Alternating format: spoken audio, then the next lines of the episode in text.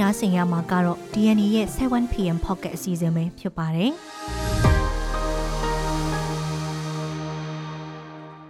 ဒီကနေ့ဇူလိုင်လ9ရက်နေ့ရဲ့ pocket အသံလွှင့်အစီအစဉ်မှာတော့မြန်မာစစ်တပ်ကို ICC ပို့တင်ပြီလို့ပြောတဲ့ကုလလူအခွင့်ရေးအကြီးအကဲဆိုတဲ့အကြောင်း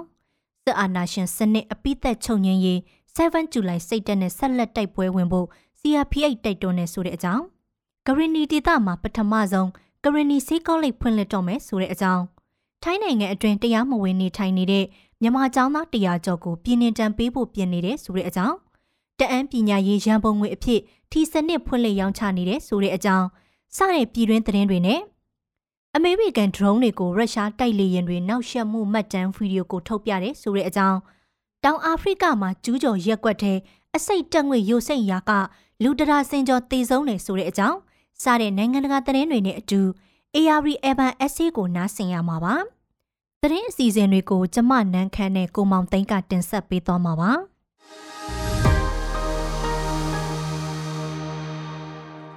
အခုပြည်တွင်းသတင်းများကိုတင်ဆက်ပေးပါမယ်။ပထမအဦးဆုံးသတင်းတစ်ပုဒ်အနေနဲ့မြန်မာစစ်တပ်ကို ICC ပို့တင်ပြီလို့ပြောတဲ့ကုလလူခွင့်ရေးအကြီးအကဲပြောဆိုလိုက်တဲ့သတင်းကိုပြောပြပေးပါမယ်။အာနာသိမ့်ပြီးနောက်လူထုကို အကြောက်တရားနဲ့ဖိနှိပ်ထားဖို့ရည်ရွယ်ပြီးကြမ်းတမ်းရက်စက်မှုတွေပုံမိုကျူးလွန်လာတဲ့မြန်မာစစ်တပ်ကိုအပြည်ပြည်ဆိုင်ရာရာဇဝတ်ခုံရုံး ICC ကိုပို့ပြီးတရားစီရင်နိုင်ဖို့နိုင်ငံတကာအစိုးရတွေကအလေးထားစဉ်းစားပေးသင့်ပြီလို့ကုလသမဂ္ဂရဲ့လူ့ခွင့်ရေးဆိုင်ရာအကြီးအကဲကပြောဆိုလိုက်ပါတယ်။ဇွန်လ6ရက်ကပြုလုပ်တဲ့ကုလလူ့ခွင့်ရေးကောင်စီအစည်းအဝေးမှာလူ့ခွင့်ရေးဆိုင်ရာမဟာမင်းကြီးဘိုကာတပ်ကအဲ့ဒီလိုပြောခဲ့တာပါ။ဒါအပြင် ပြည်တွင်းပဋိပက္ခတွေအတွင်းနောက်ထပ်ရာဇဝတ်မှုတွေကျူးလွန်တဲ့တီးခြားလက်နက်ကင်အဖွဲ့အစည်းတွေရှိခဲ့ရင်လည်းအဲ့ဒီအတွက်တာဝန်ယူမှုရှိအောင်ဆောင်ရွက်သင့်တယ်လို့လည်းသူကပြောပါတယ်။ဆိုရွာလာတဲ့လူခွင့်ရေးချိုးဖောက်မှုတွေအကြိမ်ကြိမ်ကျူးလွန်ထားတဲ့မြန်မာစစ်တပ်ဟာအဲ့ဒီပြစ်ဒဏ်တွေကနေဒဏ်ခတ်မခံရဘဲလွတ်မြောက်နေခွင့်ဆက်ပြီးရမနေသင့်တော့ဘူးလို့ကုလသမဂ္ဂလူခွင့်ရေးဆိုင်ရာမဟာမင်းကြီးကထောက်ပြပါတယ်။ ဒီချက်ဟာ NUG အပါအဝင်ပြည်တွင်းကဒေါ်လာရင်းအင်အားစုတွေနဲ့အာဏာသိမ်းမှုစန့်ကျင်တဲ့လူထုကတောက်လျှောက်တောင်းဆိုလာခဲ့ကြတဲ့အချက်လည်းဖြစ်ပါတယ်။ဒါပေမဲ့အခုအချိန်ထိတော့ဒါဟာတောင်းဆိုမှုတစ်ခုအနေနဲ့သာဆက်ရှိနေတော့မှာပဲ။ကုလသမဂ္ဂရဲ့လူ့ခွင့်ရေးဆိုင်ရာမဟာမင်းကြီးယုံဟာ အာနာသိမ်းမြန်မာစစ်တပ်ရဲ့ကြမ်းကြုတ်ဆိုးရွားတဲ့လူခွင့်ရေးချိုးဖောက်မှုမှတ်တမ်းတွေအများပြားကိုရရှိထားပြီးဖြစ်တယ်လို့စစ်တပ်ကလည်းလုံးဝအစင်ချင်းမရှိဘဲအဲ့ဒီလိုရာဇဝတ်မှုတွေကိုပြောင်ပြောင်တင်းတင်းဆက်လက်ကျူးလွန်နေစေလို့မဟာမင်းကြီးဘိုကာတပ်ကပြောပါတယ်။သူရည်ညွှန်းသွားတဲ့ထဲမှာစစ်တပ်ကကျူးလွန်တဲ့အစုလိုက်အပြုံလိုက်တပ်ဖြတ်မှုတွေတရားလက်မဲ့ကွက်မျက်မှုတွေခေါင်းဖြတ်တာတွေလည်းပါဝင်ခဲ့ပါတယ်။ တစ်ဆက်တည်းမှာဖိနှိပ်ခံရိုဟင်ဂျာမျိုးနွယ်စုတွေကိုနိုင်ငံသားဖြစ်ခွင့်ပေးဖို့စစ်တပ်ကပိတ်ပင်ထားတဲ့ကိစ္စကိုလည်းတပ်ကထည့်သွင်းထောက်ပြခဲ့ပါသေးတယ်။ဆက်လက်ပြီးပြောပြခြင်းတဲ့အကြောင်းကတော့စစ်အာဏာရှင်စနစ်အပိသက်ချုပ်ငြိမ်းရေး7 July စိတ်တက်နဲ့ဆက်လက်တိုက်ပွဲဝင်ဖို့ CRPH တိုက်တွန်းနေဆိုတဲ့အကြောင်းပါ။စစ်အာဏာရှင်စနစ်အပိသက်ချုပ်ငြိမ်းရေးအတွက် 7 July စိတ်တက်နဲ့ဆက်လက်တိုက်ပွဲဝင်ကြဖို့ပြည်ထောင်စုလွှတ်တော်ကိုစားပြုကော်မတီ CRPH ကဒီကနေ့7 July နေ့မှာထုတ်ပြန်တိုက်တွန်းလိုက်ပါတယ်။လွန်ခဲ့တဲ့နှစ်ပေါင်း60ကျော်အကြာ1962ခုနှစ်ကအာနာရှင်ဦးနေဝင်းအစိုးရကထုတ်ပြန်သတ်မှတ်ထားတဲ့စီကံချက်တွေကိုစန့်ကျင်ကန့်ကွက်ဆန္ဒပြရာကတက္ကသိုလ်ကျောင်းသားတွေဖြိုခွဲတပ်ဖြတ်ခံခဲ့ရသလိုတမိုင်းဝင်ကျောင်းသားသမတ်ကအဆောက်အုံလဲဖြိုချခံခဲ့ရတဲ့ဇူလိုင်9ရက်နေ့ကို7ဇူလိုင်နေ့အဖြစ်သတ်မှတ်ခဲ့ကြတာပါ။ အဲ့ဒီဖြစ်ရဟာကျောင်းသားမျိုးဆက်အဆက်ဆက်ကနေဒီကနေ့အထိကျောင်းသားတွေအပေါ်တက်ရောက်မှုကြီးမားခဲ့ပြီးစစ်အာဏာရှင်တွေအပေါ်ကျောင်းသားတွေရဲ့နာကြီးချက်ကြီးတရက်အဖြစ်တမိုင်းတွင်ကြံရစ်ခဲ့တယ်လို့ CRPH ကဆိုပါတယ်။အဲ့ဒီအချိန်ကစလို့စစ်အာဏာရှင်အဆက်ဆက်ကကျောင်းသားသမဂ္ဂတွေရဲ့တရားဝင်ရက်တီခွင့်ကိုပိတ်ပင်ခဲ့တယ်လို့ကျောင်းသားတွေရဲ့ကောင်းဆောင်မှုကွဲပြောက်သွားဖို့ကြိုးပမ်းခဲ့တယ်လို့ CRPH ရဲ့ထုတ်ပြန်ချက်မှာဖော်ပြထားပါတယ်။ဒီလိုဖိနှိပ်မှုတွေရှိခဲ့တဲ့ကြားကခေအဆက်ဆက်မှာ ကျောင်းသားလူငယ်ကောင်းဆောင်တွေပေါ်ထွန်းခဲ့ကြပြီးအာနာရှင်စနစ်ကိုတွန်းလှန်တိုက်ထုတ်နေကြဆဲဖြစ်တယ်လို့လည်းပါရှိပါတယ်။လက်ရှိຫນွေဦးတော်လိုင်းရဲ့ကာလမှာလည်းကျောင်းသားလူငယ်တွေရဲ့အခန်းကဏ္ဍနဲ့ပါဝင်မှုဟာကြီးမားတဲ့အင်အားတရက်ဖြစ်နေပြီး Federal Democracy အရေးတော်ပုံကိုဆက်လက်ဆင်နွှဲနေကြရဆဲပဲလို့ CRPH ကပြောပါတယ်။ ခေတ်အဆက်ဆက်ဒီမိုကရေစီလှုပ်ရှားမှုတိုက်ပွဲတွေမှာထင်ရှားတဲ့ចောင်းသားကောင်းဆောင်တွေပေါ်ထွက်ခဲ့ကြသလိုຫນွေဦးတော်လိုင်းရဲ့ကာလအတွင်းမှာလည်းတပိတ်တိုက်ပွဲတွေနဲ့လက်ရှိလက်နက်ကင်ခုခံတော်လှန်ရေးတွေအထိចောင်းသားလူငယ်တွေအများအပြားပါဝင်တိုက်ပွဲဝင်နေကြတာပါအာနာသိန်းစကောင်စီကလည်းအရင်ဆက်အာနာရှင်တွေအဆက်ဆက်ကလိုပဲចောင်းသားတွေကိုပြစ်မှတ်ထားဖမ်းဆီးဖိနှိပ်မှုတွေလုပ်နေပြီးအချက်အလက်တွေအရအာနာသိမ့်ပြီးတဲ့နောက်နှစ်နှစ်ကျော်အတွင်းကျောင်းသားလူငယ်140နီးပါးကိုထောင်ဒဏ်တွေချမှတ်ခံထားရသလို 9ဦးကတော့တည်တံချမှတ်ခံထားရကြပါတယ်။ဆက်လက်ပြီးနောက်ထပ်သတင်းတစ်ပုဒ်အနေနဲ့ကရင်နီဒေသမှာပထမဆုံးကရင်နီစေကောလိပ်ဖွင့်လှစ်တော့မဲ့သတင်းကိုပြောပြပေးပါမယ်။မကြသေးခင်ပြီးခဲ့တဲ့ဇွန်လအတွင်းကမှပြည်내အတိုင်းအငံကောင်စီဖွဲ့စည်းနိုင်ခဲ့ပြီးတဲ့နောက်အခုနှစ်အတွင်းမှာပဲဈေးကောလိပ်တစ်ခုစတင်ဖွင့်လှစ်တော့မယ်လို့ကရင်နီတော်လိုင်းအင်အားစုတွေကထုတ်ပြန်အသိပေးလာပါတယ်။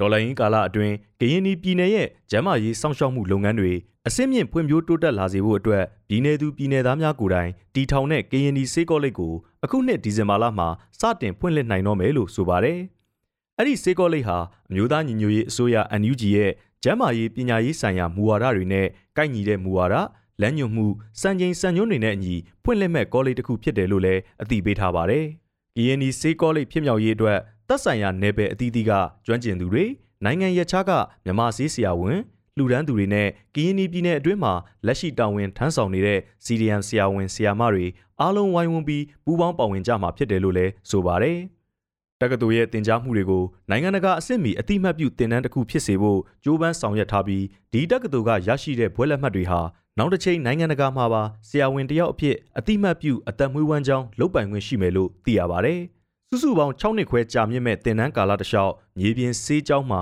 ဆရာဆရာမတွေကကိုယ်တိုင်လက်တွေ့သင်ကြားပေးတဲ့သင်တန်းတွေအပြင်အွန်လိုင်းကလည်းသက်ဆိုင်ရာဘာသာရပ်အလိုက်အတွေ့အကြုံရင့်ကျက်ပြီးကျွမ်းကျင်တဲ့ဆရာဆရာမများကသင်ကြားပေးမှာဖြစ်တယ်လို့သိရပါတယ်။ဆက်လက်ပြီးပြောပြခြင်းတဲ့အကြောင်းကတော့ထိုင်းနိုင်ငံအတွင်းတရားမှောက်ဖွင့်နေထိုင်နေတဲ့မြန်မာကျောင်းသားတရားကျော်ကိုပြင်းနှင်တန်ပေးဖို့ပြင်နေတယ်ဆိုတဲ့အကြောင်းပါ။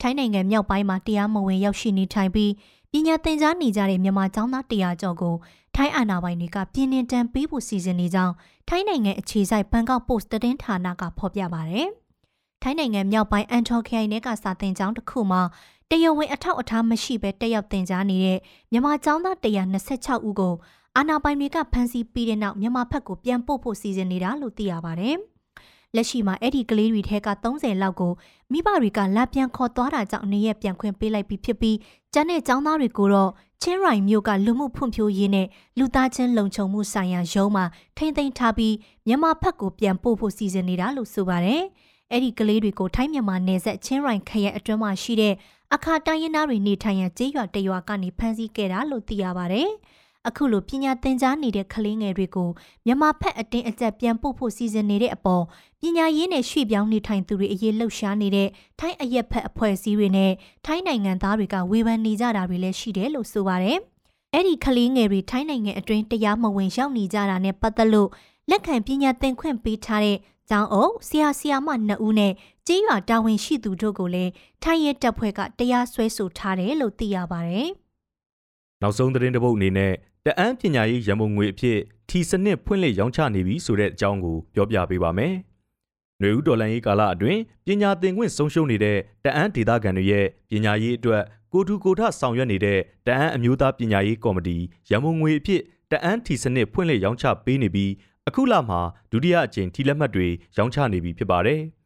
ပြီးခဲ့တဲ့လကပထမဆုံးအကြိမ်အဖြစ်ဖွင့်လှစ်ပေးခဲ့တဲ့တအန်းထီစနစ်မှာအမြင့်ဆုံးစုတွေအဖြစ်ကြက်သိန်း900တစုနဲ့ကြက်သိန်း100စု3စုတို့ကိုဇွန်လကုန်မှာဖွင့်လှစ်ပေးခဲ့ပါတယ်။ပထမအကြိမ်တအန်းအောင်ပါလီထီမှာကြက်သိန်း900စုတစုကြက်သိန်း100 3စုအပြင်ကြက်သိန်း90စု5စု10သိန်းစု9စု9သိန်းစု10စုနဲ့တသိန်းစု90စုတို့ကိုရွေးချယ်ပေးခဲ့တာပါ။စုစုပေါင်းကြက်သိန်း1200ကျော်စုကြေးပြန်ပေးခဲ့တဲ့သဘောဖြစ်ပါတယ်။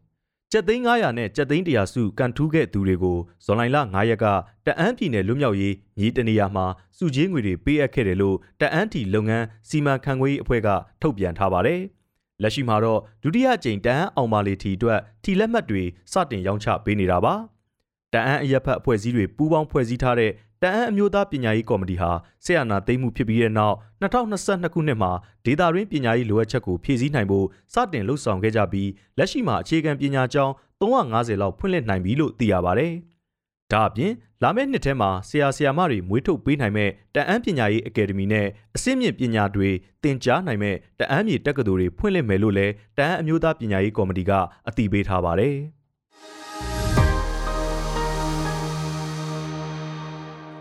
နိုင်ငံတကာသတင်းတွေကိုကိုမောင်သိန်းကဆက်လက်တင်ဆက်ပေးသွားပါမယ်။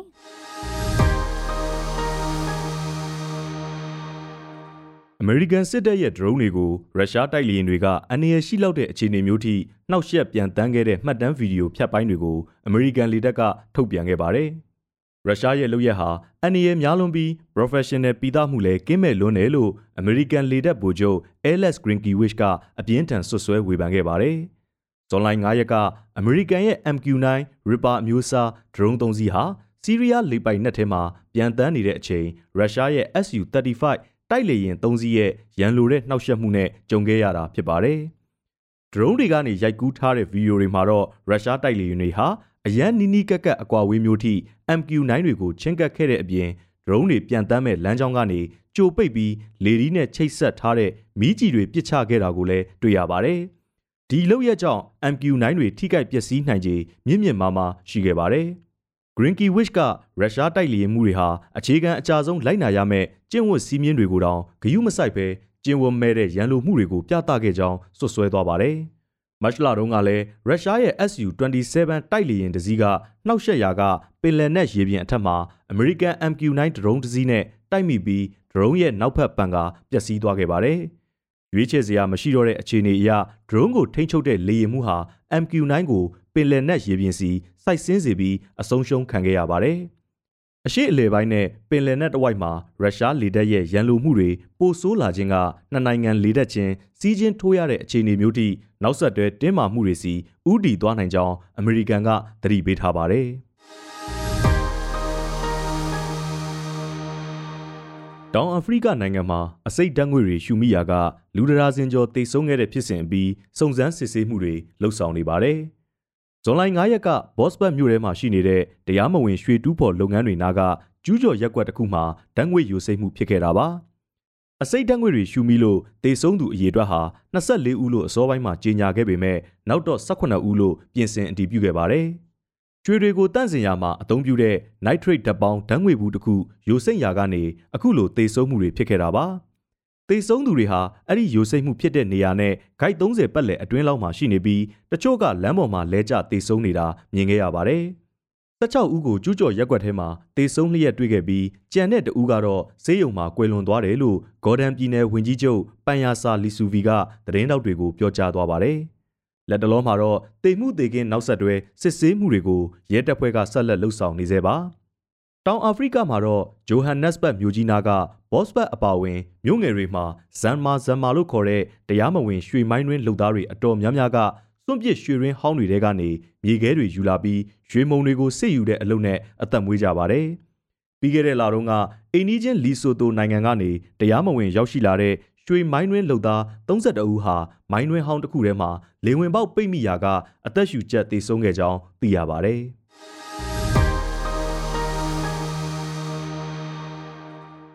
အခုနားဆင်ရမှာကတော့ ARD Evan SC ကဏ္ဍပဲဖြစ်ပါတယ်ရှင်။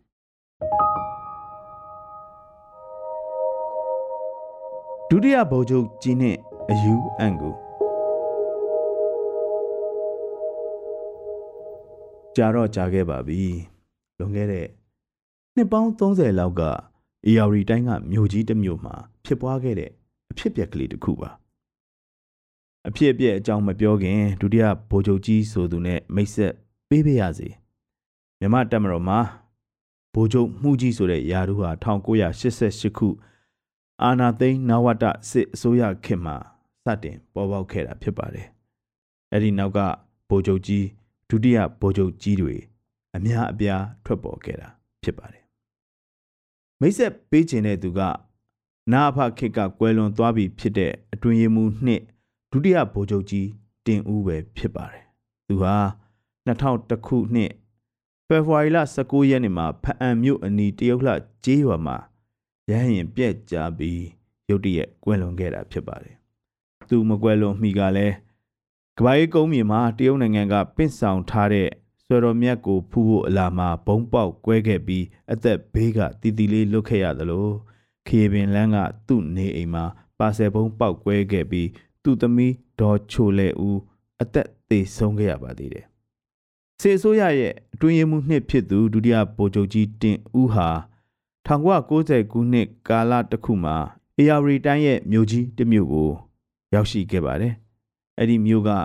ခမ်းမတစ်ခုမှာပြည်သူတွေနဲ့တွေ့ဆုံပွဲလုပ်ပါတယ်။ထုံးစံအတိုင်းပြည်သူတွေနဲ့ဆိုပေမဲ့ဌာနဆိုင်ရာလူကြီးတွေကြံ့ခိုင်ရေးအသင်းဝင်လူကြီးတွေကုန်သည်တွေနဲ့စက်မှုလက်မှုလုပ်ငန်းရှင်တွေပဲဖြစ်ပါတယ်ခြေဆုံးထဲမှာဗိုလ်ချုပ်ကြီးနဲ့အတူရန်ကုန်ကပါလာတဲ့ဝင်ကြီးတွေကြန့်ခိုင်ရေးကခရိုင်မြို့နယ်လူကြီးတွေထိုင်ကြပါတယ်ထုံးစံအတိုင်းပဲဗိုလ်ချုပ်တင်ဦးကဥစွာဩဝါဒချွေပါတယ် ဒီနေရာမှာဒီအဖြစ်ပြက်ရဲ့နောက်ထပ်ဇက်ကောင်တူဦးနဲ့မိတ်ဆက်ပေးဖို့လိုလာပါပြီအယူအန့်ကူပါအယူအန့်ကူကအယူဆိုပေမဲ့ရင်ရင်လေးယူနေသူပါတရုတ်သွေးဆက်လို့အသားကဖြူပြီးအရက်ကထောင်ထောင်မောင်းမောင်းပါဗိုလ်ချုပ်ကြီးဩဝါဒချွေနေစဉ်မှာရှေ့ဆုံးထဲမှာထိုင်းနေတဲ့ဆက်သွယ်ရေးစားတိုင်းနဲ့ကျင်းနှန်းဝင်ကြီးဦးစိုးတာကိုသူ့ဘေးမှာထိုင်းနေတဲ့ပုံကိုတူကသူ့ကိုဆယ်လူလာဖုန်းတစ်လုံးချပေးဖို့နှုတ်ကိုကြားတောင်းဆိုပါတယ် ဆယ်လူလာဖုန်းကလည်းအဲ့ဒီခင်မှာရှာမရှားပါအပြင်ပေါက်ဈေးသိန်း40ရှိပါတယ်ဝင်ကြီးကလည်းသူ့ဘေးထိုင်းနေတဲ့သူကိုဒီမျိုးကအရာရှိဒါမှမဟုတ်ကြန့်ခိုင်ရေးကလူကြီးတူလို့ထင်ပြီးအစည်းအဝေးပြီးမှပြောကြတာပေါ့လို့ပြန်ပြောပါတယ်ဒါပေမဲ့ဟိုပုဂ္ဂိုလ်ကခလေးမုံပူစားသလိုတတွတ်တွတ်တောင်းနေတော့မတင်ငါဖြစ်ပြီးလုံုံရေးအကြောင်းကြားလိုက်တော့မှတိုက်ပုံအင်ကြီးအဖြူဝစ်ပြီးလုံကြီးအစိမ့်ဝစ်ကခန့်ခန့်ကြီး ဝင်ကြီးတွေကြားဝင်းထိုင်နေတဲ့အယူအန့်ကူမှန်းသိရပါတော့တယ်အဲ့ဒီတော့မှအမိုင်တွေ SB တွေရဲတွေပြရခတ်ကုန်တာပေါ့အယူအန့်ကူကိုဆယ်လူလာဖုန်းရရပါစေမယ်လို့အမခံပြီးအခမ်းအနားတွေကမနှဲဆွဲထုတ်ခဲ့ရပါတဲ့။ဒီမျိုးလုံးကလည်းအန့်ကူကိုအယူမှန်သိနေတော့ဖမ်းမဖြစ်ပဲပြန်လှုပ်ပေးလိုက်ရပါတယ်။မြို့ထဲမှာတော့ဒုတိယဗိုလ်ချုပ်ကြီးနဲ့အယူအန့်ကူအကြောင်းကို နှစ်ပေါင်းများစွာအထိတိုးတိုးတိတ်တိတ်ပြောပြီးတဟိဟိရေကြတာပေါ့ဗျာ။